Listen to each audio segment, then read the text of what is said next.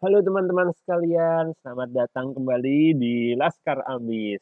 Kembali lagi dengan saya, ya karena kebetulan belum bisa ganti pengisi. Nah, saat ini kita akan membahas mengenai rumusan masalah dan tujuan penelitian. Akan tapi sebelum itu, kita akan berkenalan dulu dengan apa yang biasa kami sebut dengan benang merah penelitian. Benang merah penelitian adalah sebuah alur yang akan menggambarkan bagaimana proposal atau laporan penelitian kita itu akan disampaikan. Jadi, sebelum menulis rumusan masalah, hendaknya kita membangun mentalitas, merumuskan di pikiran kita nanti penelitian ini mau seperti apa. Baik datanya nanti mau diambil seperti apa, bentuk datanya seperti apa, dianalisis seperti apa, bahkan sampai bagaimana akan ditarik sebuah kesimpulan. Nah, itulah gambaran dari benang merah penelitian dan ini harus dirumuskan sebelum kita memulai menulis rumusan masalah.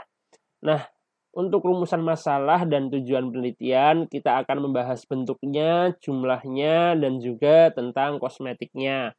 Pertama tentang bentuknya. Rumusan penelitian atau rumusan masalah biasa juga disebut sebagai research question atau pertanyaan penelitian. Bentuknya adalah kalimat tanya. Nah, adapun untuk tujuan, dia bentuknya adalah bentuk tujuan penelitian dari rumusan masalah tadi. Paham nggak? Jadi rumusan masalah dan tujuan penelitian ini pasangan. Ketika nanti bentuknya adalah bagaimana seperti ini, seperti ini, seperti ini, maka tujuan dari penelitian adalah untuk mengetahui seperti ini, seperti ini, seperti ini. Contoh, bagaimana pengaruh pencahayaan terhadap kecepatan tumbuh kacang hijau. Berarti tujuannya untuk mengetahui pengaruh pencahayaan terhadap ketumbuhan kacang hijau. Nah, seperti itu.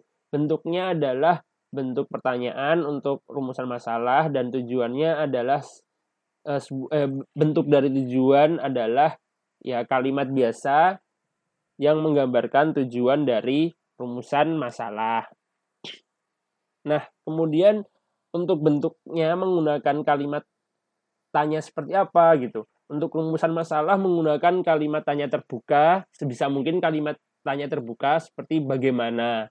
Akan tetapi pada kasus khusus boleh menggunakan kalimat yang tertutup seperti menggunakan kata apa. Nah, kata apa ini biasa digunakan hanya untuk e, keterkaitan dalam psikologi karena kata teman saya lebih ke arah e, ada atau tidaknya sebuah keterkaitan. Jadi cukup menggunakan kalimat tanya apa. Contoh lain adalah untuk bukti rumus matematika, pembuktian dan sebagainya. Cukup menjelaskan apa buktinya seperti itu. Contohnya nih, contoh yang menggunakan apa karena jarang ya menggunakan apa. Contohnya eh, apakah ada keterkaitan antara jumlah uang saku yang dimiliki seorang anak dengan tingkat kesombongan, misalnya seperti itu. Nah, ini cukup menggunakan apa? Karena kita tidak akan membahas sampai bagaimana rumusnya atau detail uh, uang saku tadi mempengaruhi kesombongannya sang anak seperti itu. Jadi cukup apa korelasinya? Apakah uh, konstruktif atau destruktif? Apakah semakin banyak uang sakunya akan semakin sombong atau tidak seperti itu? Nah, nanti karena dalam membahas apa ini sendiri pun juga sudah banyak. Nah, kita masuk ke pembahasan bentuk yang kedua. Dalam membentuk rumusan masalah ini, gunakan sedemikian rupa sehingga adalah pertanyaan yang ketika dijawab membutuhkan sebuah pembahasan. Karena kita nanti ada poin pembahasan penelitian. Pada poin tadi, bisa menggunakan kata apa hanya ketika kata apa itu sendiri ketika dijawab harus dibahas secara panjang lebar. Seperti tadi yang sudah dibahas. Jawabannya tidak sekedar yes or no question, akan tapi harus dibahas sedemikian rupa sehingga gitu. Jadi tidak masalah menggunakan kata tanya apa untuk topik-topik tertentu. Kemudian setelah pembahasan tentang bentuk, pembahasan mengenai jumlah. Untuk jumlah, usahakan memiliki lebih dari satu rumusan masalah. Jumlahnya harus selalu sama antara rumusan masalah dan tujuan penelitian. Sehingga sama tujuan penelitian juga usahakan lebih dari satu. Ingat ya, berpasang-pasangan. Sehingga rumusan masalah pertama dialih bahasakan menjadi tujuan penelitian pertama. Yang kedua juga seperti itu dan seterusnya. Nah, kenapa kok usahakan lebih dari satu rumusan masalah? Karena pada dasarnya suatu rumusan masalah nanti ketika dijawab itu akan melahirkan pertanyaan lain atau membutuhkan pertanyaan yang melengkapi jawaban dari pertanyaan yang pertama. Sehingga usahakan rumusan masalah ini lebih dari satu agar ketika seseorang membaca laporan penelitian kita sudah utuh, tidak terlalu banyak pertanyaan yang belum dijawab oleh permasalahan uh, yang belum dijawab oleh laporan penelitian kita. Kemudian yang ketiga, yang terakhir ada tentang kosmetik.